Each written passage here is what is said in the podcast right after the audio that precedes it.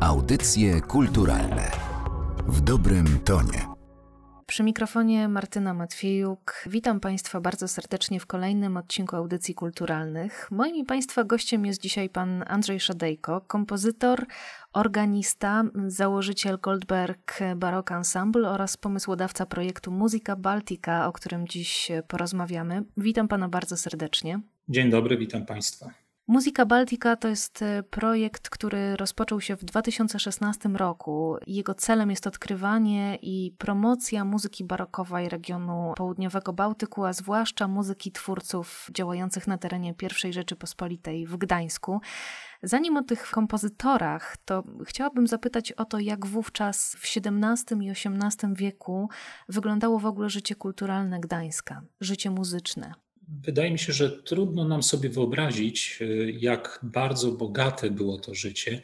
Im bardziej zagłębiamy się w materiały historyczne, w źródła pisane, też materiały, które pozostały do naszych czasów, mam na myśli rękopisy muzyczne, można z tego wyciągać wnioski, że muzyka w Gdańsku spełniała ogromną rolę. To jest rola, którą dzisiaj trudno sobie wyobrazić, bo ona nie była tylko i wyłącznie takim elementem powiedzmy sobie rozrywki, tak jak to współcześnie bardzo często jest, ale była jednym z bardzo ważnych elementów komunikacji społecznej, takiej integracji i też identyfikacji społecznej.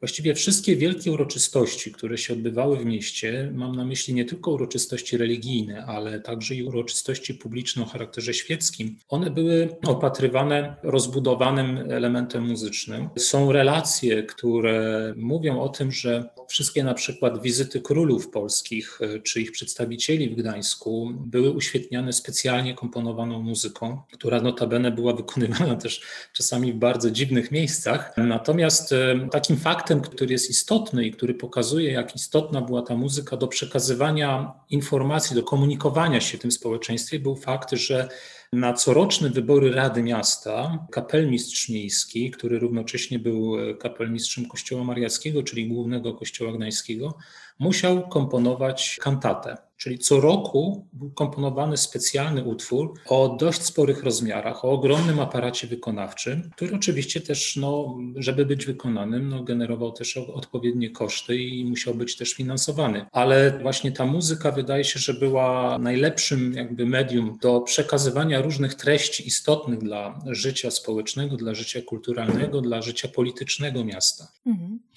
Seria Muzyka Baltica, która jest przyczynkiem do naszej dzisiejszej rozmowy, to też e, myślę warto podkreślić, jest to cykl albumów muzycznych, które od początku są tworzone we współpracy z Narodowym Centrum Kultury.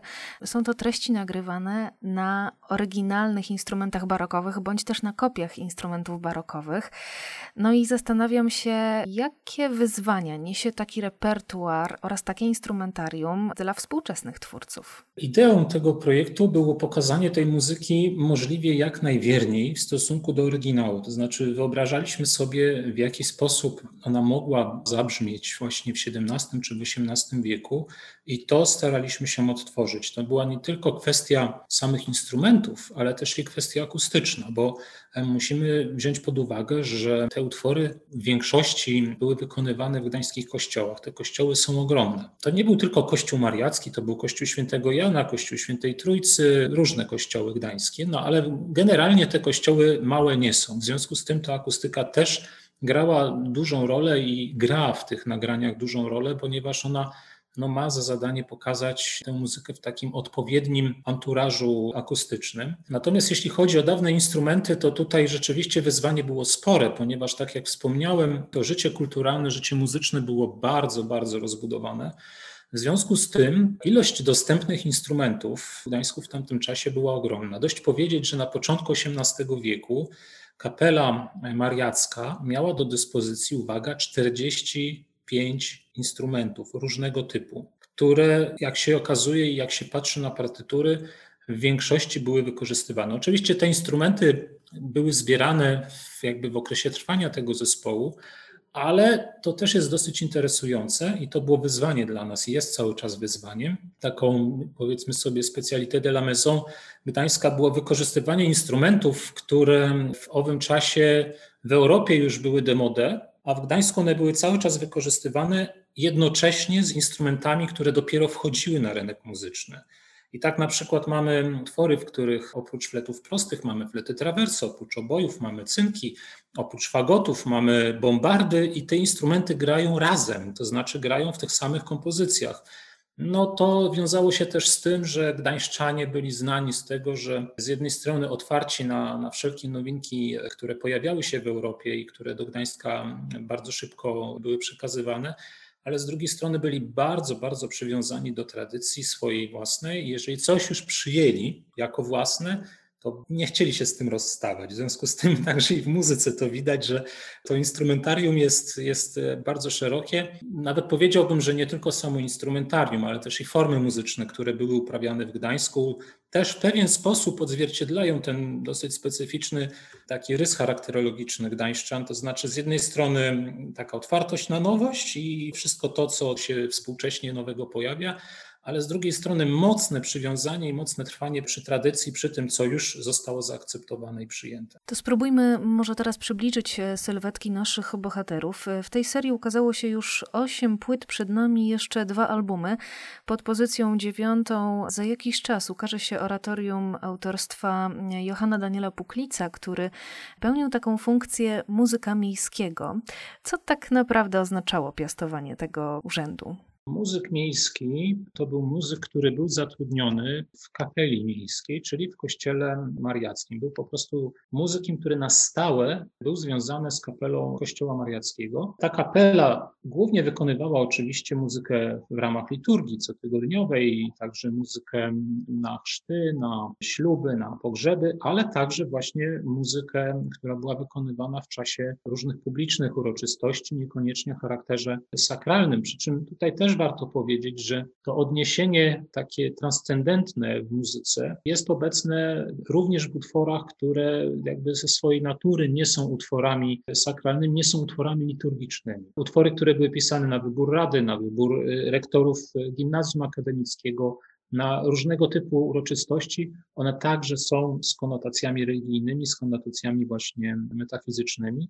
No i Daniel Puklic był jednym z takich muzyków. Tak do końca to nie wiemy, na jakim on instrumencie grał, bo no nie mamy takich informacji, nie mamy potwierdzenia. Z naszego doświadczenia tutaj z zespołem najprawdopodobniej nie był skrzypkiem, ponieważ jego partie skrzypcowe są bardzo, bardzo trudne do zagrania i takie troszeczkę jakby pod włos napisane. Natomiast no, na jakim konkretnie instrumencie grał Puklic, tego nie wiemy. Może kiedykolwiek, może kiedyś się tego dowiemy. Interesujące jest to, że to jest muzyk miejski, czyli taki po prostu no, muzyk orkiestrowy, a mamy zachowanych no, kilkadziesiąt jego kompozycji i to jest pewien taki, powiedzmy sobie, znak zapytania, ponieważ w czasie, kiedy Puklic funkcjonował w Gdańsku, a to były lata on się urodził w 1705 roku, a zmarł w 1774.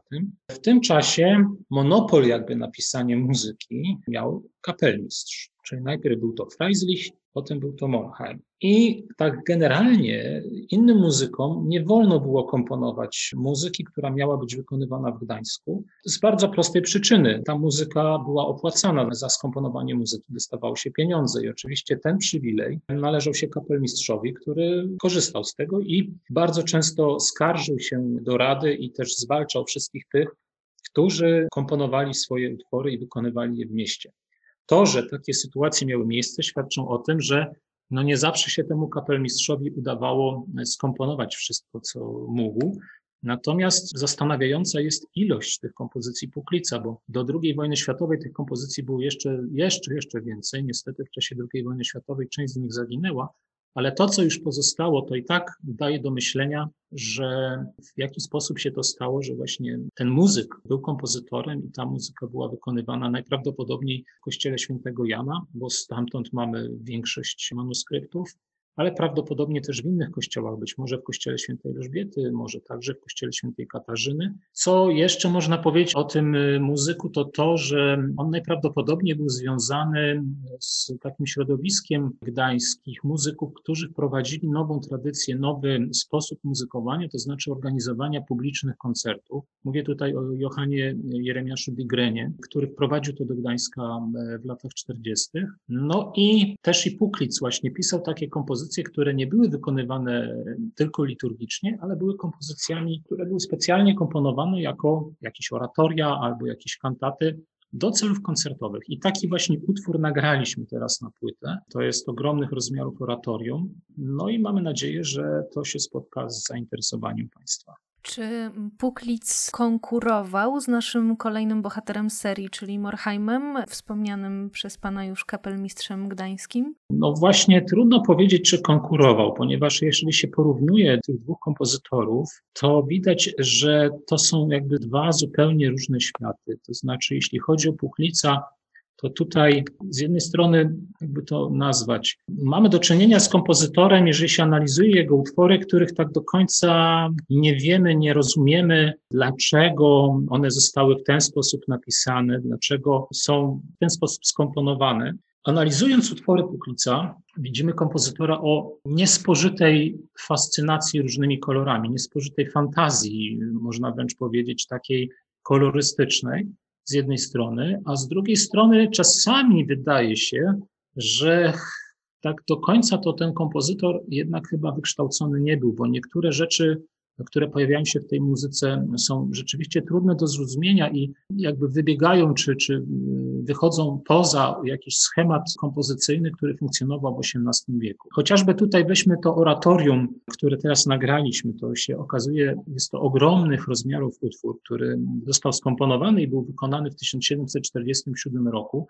Jego tytuł to Oratorium o wielce odmiennym żywocie i śmierci bezbożnego i bogobojnego. Ogromna kompozycja, jak wspomniałem, dwuczęściowa. Każda z tych części trwa około godziny. W tych częściach właściwie mamy ferię różnych barw orkiestrowych. Praktycznie każdy instrument ma swoje pięć minut Mam na myśli tutaj jakieś partie koncertujące, to są skrzypce, to są altówki, to jest wiolonczela, fagot, e, obój, flet traverso, ale także oprócz takich instrumentów, powiedzmy sobie standardowych, barokowych, są też instrumenty, które pojawiają się bardzo rzadko albo zgoła w ogóle się nie pojawiają i w tym utworze na przykład mamy do czynienia z e, arią, w której występuje harfa Dawida, zresztą notabene też wspomniana w takim ogłoszeniu prasowym o tym właśnie, że koncert będzie, jak również harfa szklana.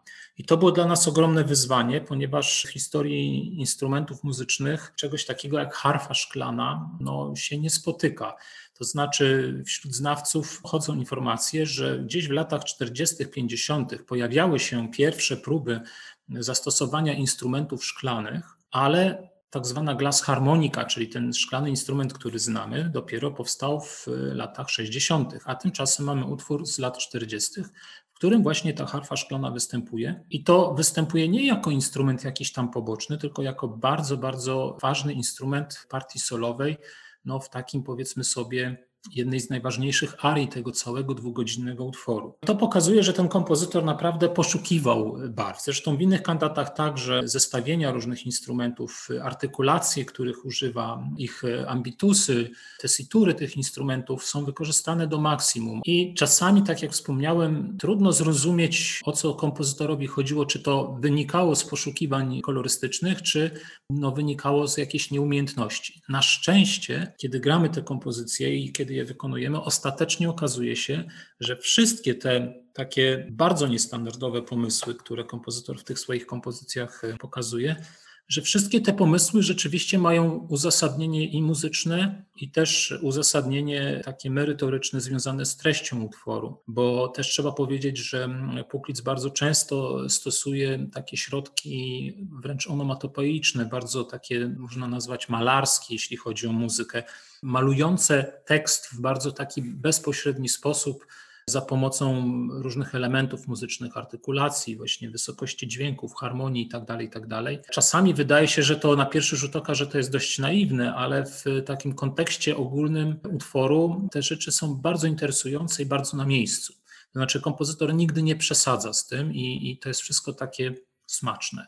Natomiast Morheim to jest kompletnie inna bajka. To jest kompozytor, który kształcił się u Jana Sebastiana Bacha. W związku z tym odebrał no, możliwie najlepsze wykształcenie muzyczne, jakie sobie można wyobrazić w tamtym czasie w Europie. I to widać w jego kompozycjach, które są klasycznie piękne. To znaczy, tam wszystko jest na swoim miejscu, zgodnie ze standardami epoki. Jeśli się weźmie pod uwagę to, w jaki sposób były komponowane utwory Bacha, Händla, Telemana, to to wszystko odnajdujemy właśnie w kompozycjach Morheima z dodanym elementem y, stylu galant, którego Morheim był też przedstawicielem, no bo to już jest pokoleniem młodszym, on się urodził w 1719 roku, zmarł w 1780. No i to połączenie tej formy takiej klasycznej, barokowej, arii, chorału i tak dalej z tym stylem galant też jest bardzo smaczne, też jest bardzo przekonywujące. Niemniej jednak no, jest to muzyka, można powiedzieć, w jakiś sposób znajdująca swoje odbicie w innych regionach Europy. Nie jest tak oryginalna w swoim brzmieniu, w swoim kształcie muzycznym i pomyśle, jak właśnie muzyka Puklica. Ale trudno też się spodziewać od Morheima, żeby komponował zupełnie jakieś nieortodoksyjne utwory, ponieważ jako kapelmistrz miejski on miał obowiązek komponowania tej muzyki miejskiej. No i wszyscy oczekiwali, że będzie to muzyka, którą wszyscy, tak jak to w znanym powiedzeniu, którą wszyscy znają i lubią. W związku z tym wszelkie nowinki, które były wprowadzane do tej muzyki, musiały być wprowadzane bardzo delikatnie i bardzo tak w sposób stonowany. Natomiast no, muzyka musiała być w dużym stopniu taka, powiedzmy sobie, standardowa. Ale standardowa w wykonaniu Gdańska to też oznacza między innymi na przykład fakt, że kantaty na wielkie święta, które komponował Morheim, są napisane na dwa zespoły. I to jest coś, co w Europie już praktycznie jest passé już bardzo, bardzo dawno. U Bacha pojawia się to tylko w pasji, natomiast w Gdańsku no jeszcze do końca lat 80. jest to standard, to znaczy, że wielkie utwory są opracowywane na dwa zespoły muzykujące. Ta tradycja w Gdańsku wzięła się z muzyki polichuralnej, czyli ze szkoły weneckiej, czyli z końca XVI, początku XVII wieku, więc widzimy, jak bardzo ta tradycja dawna, zupełnie już taka, można powiedzieć, że w Europie już dawno zapomniano o czymś takim jak, jak polichuralność wenecka, a w Gdańsku cały czas jeszcze to funkcjonowało, ponieważ w tamtym czasie to się tak bardzo spodobało, bo te księgi madrygałowe i, i te polichuralne utwory były zamawiane i skupywane w Gdańsku no, w ilościach ogromnych, wręcz jak tulipany w Holandii. W związku z tym na przykład też w Gdańskiej Bibliotece jest największy zbiór ksiąg madrygałowych włoskich y, na północ od Alp, ponieważ gdańszczanie po prostu to lubili. Czy ta muzyka była no, wykonywana w takiej ilości w Gdańsku, tego nie wiemy, bo nie mamy z tamtych czasów y, jakichś przekazów wystarczających, które by potwierdzały, że ona tak często była wykonywana. No niemniej Trudno sobie wyobrazić, że kupowano te książki tylko po to, żeby one leżały na półkach i żeby je sobie oglądać. Prawdopodobnie też no, kupowano po to, żeby je posłuchać, żeby wykonywana była ta muzyka. No i ta tradycja, zobaczmy, 150 lat praktycznie przetrwała w Gdańsku. Oczywiście porównując madrygały czy wielochórowe pieśni Andrasa Hackenbergera, gdańskiego kapelmistrza z tamtego czasu, a kompozycję Morheima, to widzimy ogromną różnicę stylów. Natomiast co do zasady, co do formy, no to tutaj jednak jest pewna ciągłość. Nazwiska kompozytorów, o których dziś Pan opowiada, wydaje mi się, że nie są znane szerszej publiczności. Dodajmy też, że ten repertuar, który znajdą Państwo w serii Muzyka Baltica, to są utwory pochodzące właśnie ze zbiorów Biblioteki Gdańskiej PAN, o których Pan już wspomniał. Jak Pan czuje, jak wiele jest jeszcze do odkrycia? Co jeszcze kryje to dziedzictwo muzyczne Gdańska? Powiem tak, zajmuję się tym już od 12 lat i dzięki pomocy tutaj i pracowników Biblioteki Gdańskiej, dzięki pomocy moich koleżanek i kolegów, muzykologów, to już od samego początku było jasne, że jakby rozrzut i wielość tej muzyki jest przeogromna. To wręcz można powiedzieć, to nie jest na jednego człowieka, żeby to wszystko ogarnąć. Bo chociażby weźmy sobie tylko i wyłącznie kantaty same, które znajdują się w zbiorach Biblioteki Gdańskiej, które do dzisiaj tam są, a to jest tylko część tego, co było w tej bibliotece do II wojny światowej, ale to, co jest, to jest ponad 600 kantat. To gdybyśmy chcieli wykonywać te kantaty w taki sam sposób, w jaki wykonywano je w czasach, kiedy powstawały, czyli jedna kantata co niedzielę, to moglibyśmy przez 10 lat, ponad 10 lat, wykonywać co niedzielę inny utwór po prostu co niedzielę inny utwór. I to są w większości utwory fantastycznej jakości, bo oczywiście nie wszystkie były napisane w Gdańsku. Z tych 600 ponad 200 zostało napisanych jakby przez kompozytorów działających w Gdańsku, ale to są utwory naprawdę o, o bardzo wysokim standardzie muzycznym. To było jasne od samego początku. Natomiast takie bliskie spotkanie z każdym z tych kompozytorów pokazuje, że właściwie każdy z nich wymagałby odrębnych studiów, odrębnego pokazania, odrębnej monografii wręcz. No, na przykład ten Puklic który jest z mojego punktu widzenia jednym z moich ulubionych kompozytorów tutaj gdańskich, właśnie ze względu na taką swoją nieortodoksyjność i taką no, nieokiełznaną, można powiedzieć, wręcz fantazję muzyczną, którą czasami trudno przez nią przejść i zrozumieć, ale ostatecznie, jeśli już się to zrobi, to się okazuje, że to naprawdę jest fantastyczna muzyka.